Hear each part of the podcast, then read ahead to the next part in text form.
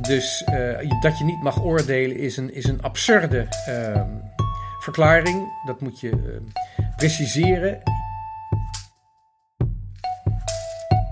In deze podcast gaat Pater Elias op zoek naar wat echt is.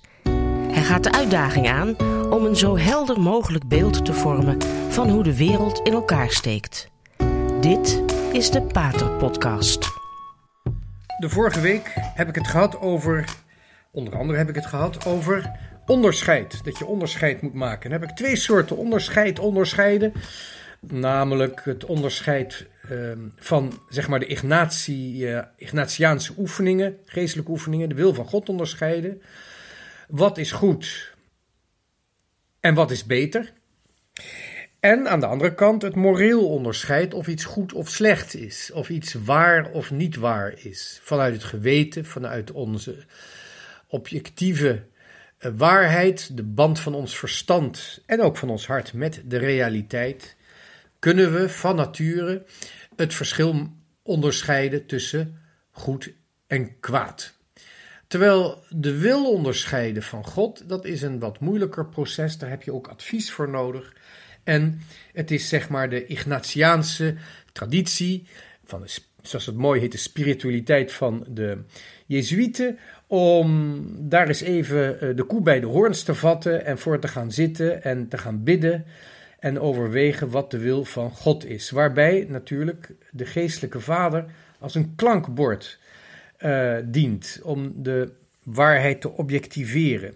Nou heb ik even over, die, over die dat onderscheid tussen twee vormen van onderscheid uh, heb ik even zitten nadenken. Maar ik moet het even preciseren. Er zijn namelijk eigenlijk drie vormen van onderscheid. Um, en daar wil ik het deze keer even over hebben. Wanneer wij proberen onderscheid te maken, dan proberen we iets te beoordelen. Dus uh, dat je niet mag oordelen is een, is een absurde uh, verklaring. Dat moet je uh, preciseren. Uh, waarom je niet iemand definitief mag veroordelen alsof je God zelf bent. Maar zolang wij een menselijke samenleving hebben, zullen we moeten oordelen. Uh, beoordelen. we mogen ook iemand in de gevangenis zetten, dat weet u, dat, dat hoort bij de mensheid. Um, dus er moet wel degelijk geoordeeld worden en soms moeten mensen veroordeeld worden. Maar een gevangenis mag nooit een hel worden. Het is geen definitief oordeel. En bovendien, het beoordelen wat wij uh, doen, dat heeft altijd een referentie nodig. Wij kunnen nooit onszelf als referentie uh, maken, als standaard van wat goed of slecht is. Want ja, wat de een goed vindt, is eigenlijk objectief slecht voor de andere. Um, zo is het nou eenmaal. Uh, als ik de, het huis van de buurman in de fik steek omdat hij te veel lawaai maakt, dan heb ik natuurlijk daarna wel rust. Als de sirenes van de brandweer tenminste uh, uit zijn. Hè, als, de brand, uh, als de brand voorbij is, de brandweer is weer weg en de sirenes hoor ik niet meer, dan is de rust weer gekeerd. Maar ik denk dat u het ermee eens zult zijn dat, eh, dat, we, dat, dat ik als referentie, namelijk mijn rust als absoluut eikpunt voor het oordelen, dat het toch enigszins gelimiteerd is en eigenlijk gewoon niet klopt. Want de buurman heeft geen rust, hij moet zijn huis weer opbouwen. Um, overigens gaat dat ook weer lawaai veroorzaken. Dus zelfs voor mij is, is dat eigenlijk heel vervelend. Ik kan beter het huis van de buurman niet in de fik steken.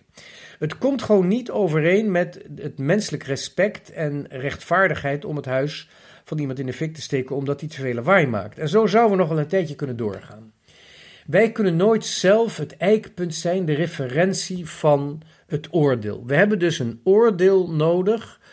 We hebben dus een criterium van het oordeel nodig als we willen beoordelen. Wij komen uit een complexe realiteit en we hebben dus principes nodig van waaruit we oordelen. Zo eenvoudig is het. En um, nou ja, je kunt op politiek gebied wel zeggen, ja, de meerderheid vindt dit goed, dus dat wordt ons eikpunt. Hè. We hebben democratisch een, wet aangenomen. Uh, en dat wordt dan onze standaard. Maar het kan natuurlijk wel zijn dat de meerderheid ongelijk heeft. Of een beslissing neemt met slechte gevolgen. Of die gewoon ingaat tegen de menselijke natuur. Dat is mogelijk. Dus zelfs uh, de meerderheid in de democratie kan nooit de uiteindelijke referentie zijn voor het beoordelen. Maar beoordelen moeten we de hele tijd. En nou, uh, dat, dat is in feite, dat zijn de beslissende momenten, de, de, de keer, de, de, de beslissende mensen, ook de, momenten, ook de, de grootste momenten van ons, uh, van ons verstandelijk leven is het beoordelen. En het eindigt ook in de hemel met een oordeel, namelijk God is liefde. Ja, daar loopt Johannes de evangelist op vooruit in uh, zijn brief. God is liefde. Beoordelen moeten we. Maar we moeten dus ook onderscheid maken tussen de verschillende waarheden, verschillende zaken die we uh, beoordelen. Dat onderscheid is, het, ja, is eigenlijk het, constateren, het beoordelen van het bestaan van een verschil. Ik kan beoordelen dat het huis van mijn buurman bestaat, ik besta, dat zijn allemaal beoordelingen. En het onderscheid is het uh, beoordelen, het constateren van een verschil. En in ons geestelijk leven, in ons leven op zoek naar geluk, in ons leven op zoek naar waarheden die blijvend zijn, komen we eigenlijk drie terreinen, niet twee, maar drie terreinen tegen, drie uh, aspecten van ons oordelen. En daarin hebben we dus die referenties nodig. Um, allereerst gewoon binnen onze eigen menselijke uh, capaciteiten. Wij kunnen door na te denken en door steeds wijzer te worden, kunnen wij bepaalde eikpunten vinden die het ultieme criterium zijn voor ons oordelen, ons beoordelen. Die principes zitten in ons geweten. We kunnen, dat, we kunnen daar vanaf die principes die in ons geweten zitten, die in ons verstand zitten, kunnen wij een wet afleiden. En dat noemen we dan de natuurwet. De manier waarop ons verstand bestaat, de manier waarop ons verstand beweegt, nadenkt, redeneert, concludeert, ehm, en ook altijd zijn band met de realiteit wil behouden. Wij willen ervaren wat echt is. Wij willen iets maken wat ook echt is. In, dat noemen wij de natuur van ons verstand. En wij kunnen dus ook een natuurwet afleiden. Er zijn bepaalde grondprincipes van ons verstandelijk leven, waarvan we de wet kunnen afleiden. Wetten kunnen afleiden. Dus de wetten zijn eigenlijk conclusies, is het samen, is het stelsel van conclusies die we trekken uit bepaalde grondprincipes die inherent zijn aan ons verstand, die van nature in ons verstand zitten. En bijvoorbeeld, één zo'n principe is, uh, ja, iets kan niet tegelijkertijd wel en niet waar zijn. Dat, zou, dat zou absurd zijn. Iets kan niet tegelijkertijd wel bestaan en niet bestaan. Een schaap met vijf poten bestaat niet in de realiteit. Het was wel een televisieprogramma over een fictief café jaren geleden. Misschien kunt u zich dat nog herinneren. Het schaap met de vijf poten bestaat niet in de realiteit, behalve ja, als fictief café. Het, echt, het café heeft niet eens bestaan en zelfs als het bestond, dan was dat nog een grap. Dat was niet omdat er echt een schaap met vijf poten heeft bestaan. Nou zult u zeggen, het kan een ziekte zijn, het kan een genetische afwijking zijn, maar het blijft een afwijking. Een schaap met de vijf poten bestaat niet, of bestaat in ieder geval niet van nature. Het is een uitzondering als het wel bestaat. Nou, zo zijn er bepaalde verstandelijke principes waarvan we alle redeneringen en dus ook wetten kunnen afleiden. En dat doen we van nature. Dat is het natuurlijk beoordelen. En het mooie is dat wij dat niet alleen doen ten opzichte van realiteiten die bestaan, maar ook realiteiten die we kunnen beïnvloeden of kunnen beoordelen. Dat is in feite ons morele leven. Er is niet alleen zoiets als wetenschap, maar er is ook zoiets als ethiek. Wij proberen niet alleen te weten te komen en te beoordelen wat in de natuur onderscheiden moet worden. Wij proberen niet alleen duidelijkerheid te krijgen over de wereld om ons heen, maar ook kunnen we die wereld veranderen. We kunnen daar invloed op uitoefenen, we kunnen daar beslissingen in nemen. En dan heb je natuurlijk de, aan de ene kant beslissingen die we nemen over dingen die we maken, die we veranderen. Maar we, doen ook, we maken ook beslissingen over onze band met andere mensen, over de mensen waarvan we houden. Er is een heel groot verschil tussen de boom die we omzagen in onze tuin omdat die dood is, of een mens die we begraven omdat die gestorven is. Er is een enorm verschil. En zo is er ook een enorm verschil tussen eh, de vriendschap met een mens of de vriendschap met een, met een dier. Ik weet dat dat verschil een beetje aan het verdwijnen is in onze wereld. Maar zo gauw er problemen zijn, zien we ook dat dat snel terugkomt. Het onderscheid tussen mens en dier. Hoe dan ook, we kunnen binnen onze menselijke realiteit kunnen we onderscheid maken.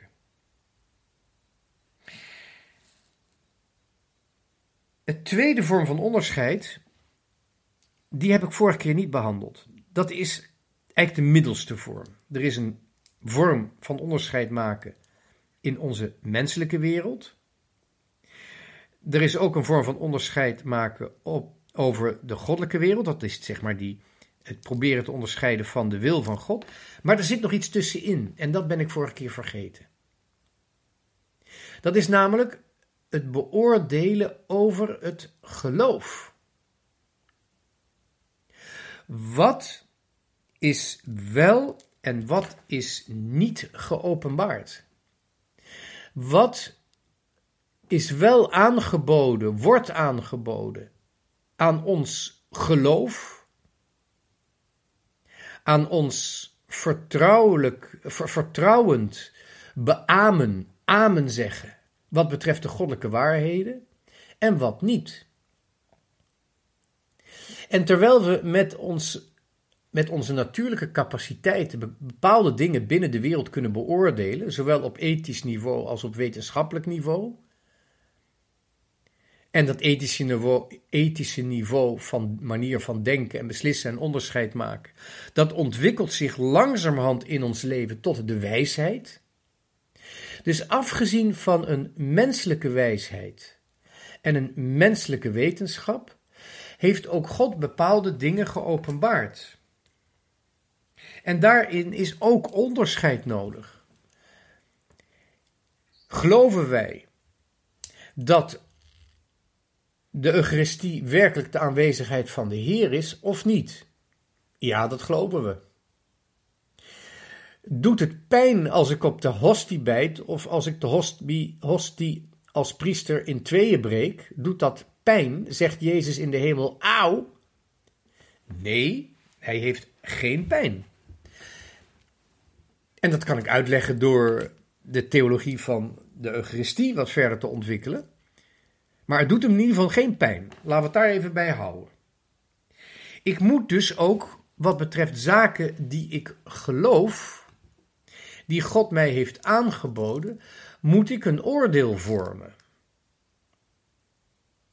En de vraag is nu: vanuit wat soort principes doe ik dat?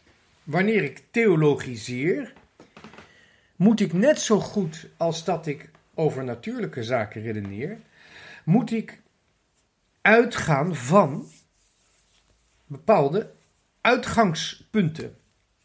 Ik heb bepaalde principes nodig waar ik mijn theologie vanuit ontwikkel, maar ook van waaruit ik mijn geloofsleven laat groeien.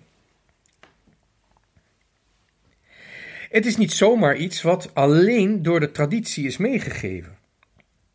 Er zijn ook bepaalde principes van de geloofsopenbaring. En die worden, en dat is heel belangrijk, die worden als het ware toegevoegd aan de principes die ik op natuurlijke manier kan ontdekken. De openbaring spreekt niet een natuurlijk principe bezig, spreekt niet de natuurlijke werkelijkheid tegen. Wanneer ik kan ontdekken dat de mens een onstoffelijke, immateriële ziel heeft, die blijft voortbestaan na de dood,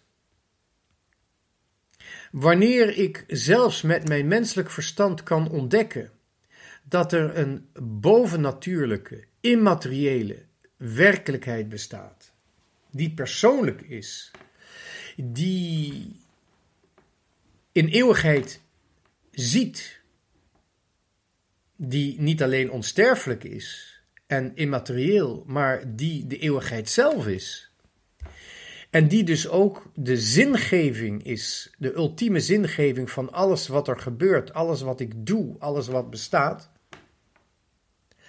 Als ik dat allemaal op natuurlijke manier kan ontdekken, en dat beaamt de katholieke kerk, dan komt de openbaring van de drie-ene God, doet ook die ontdekking van het bestaan van God geen geweld aan. Sterker nog, wij kunnen pas die geloofswaarheid, die kunnen we pas beamen we kunnen die pas bevestigen met amen wanneer we die drie ene God die zich openbaart, identificeren van de ene alles overstijgende God die wij met ons menselijk verstand kunnen ontdekken.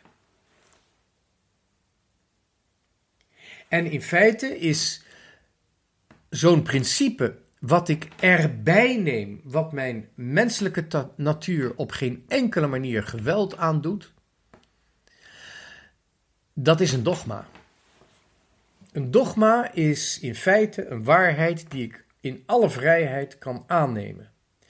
En je moet natuurlijk wel goed overwegen of een dogma bevrijdend is of beperkend. Maar dat hebben de theologen vanaf het begin van de kerk al gedaan. En er is dus ook een traditie gegroeid. We hebben dus aan de ene kant die natuurlijke principes die we kunnen, zelf kunnen, ik zal even een duur woord ervoor gebruiken, induceren. En we hebben wetten die we van die principes kunnen deduceren.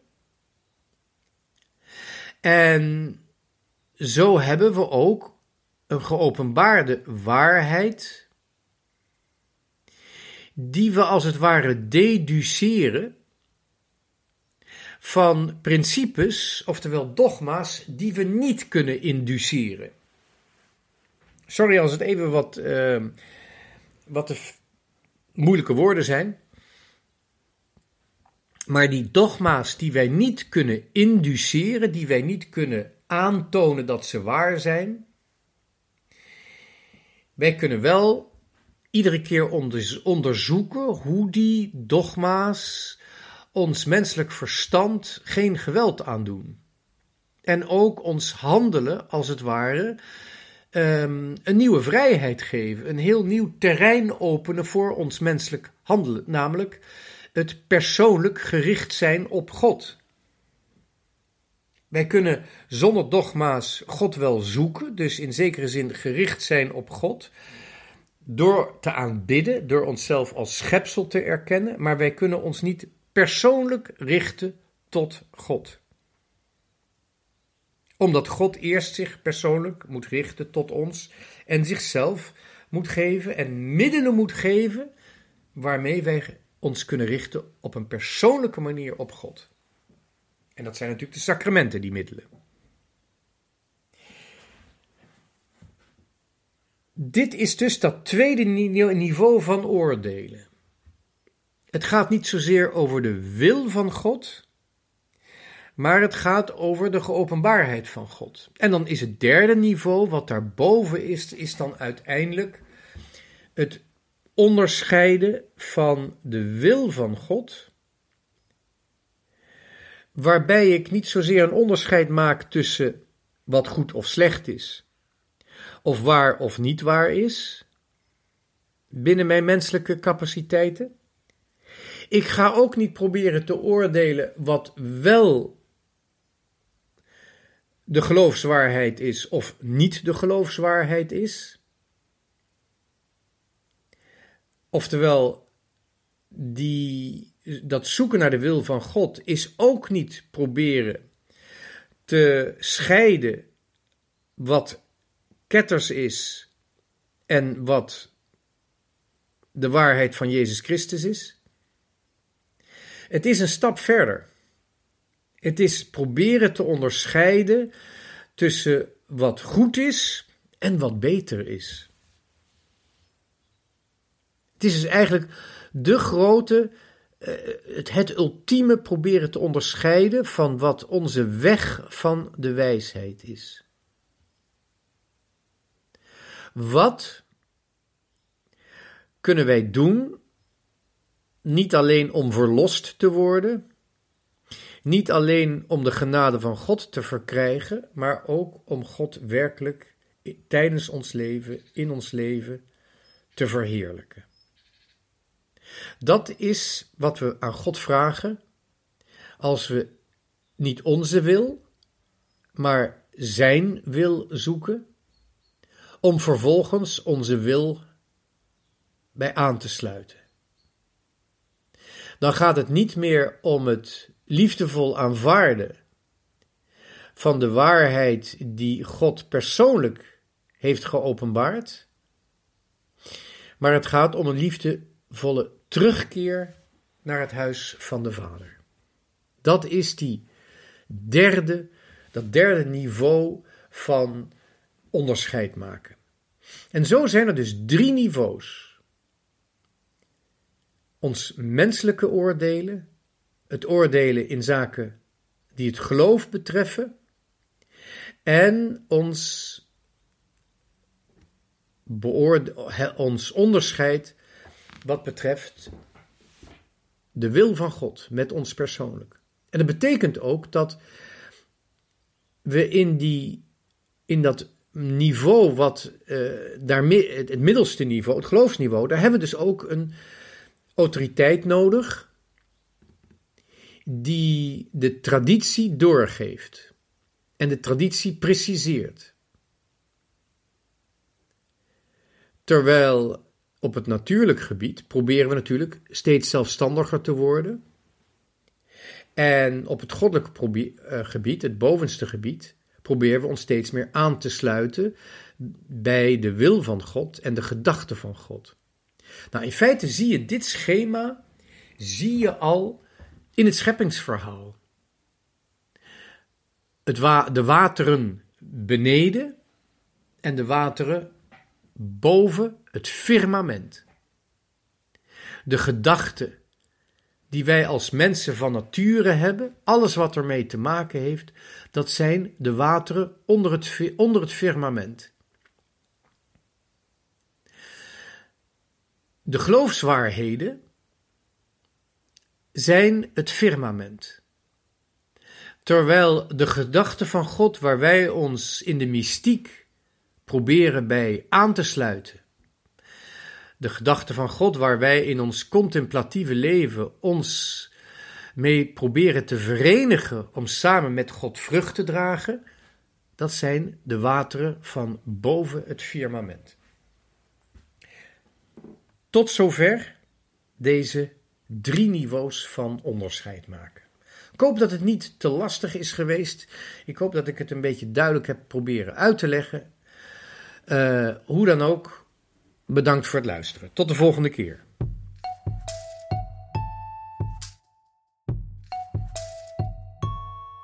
Dit was de Radio Maria Pater Podcast met Pater Elias.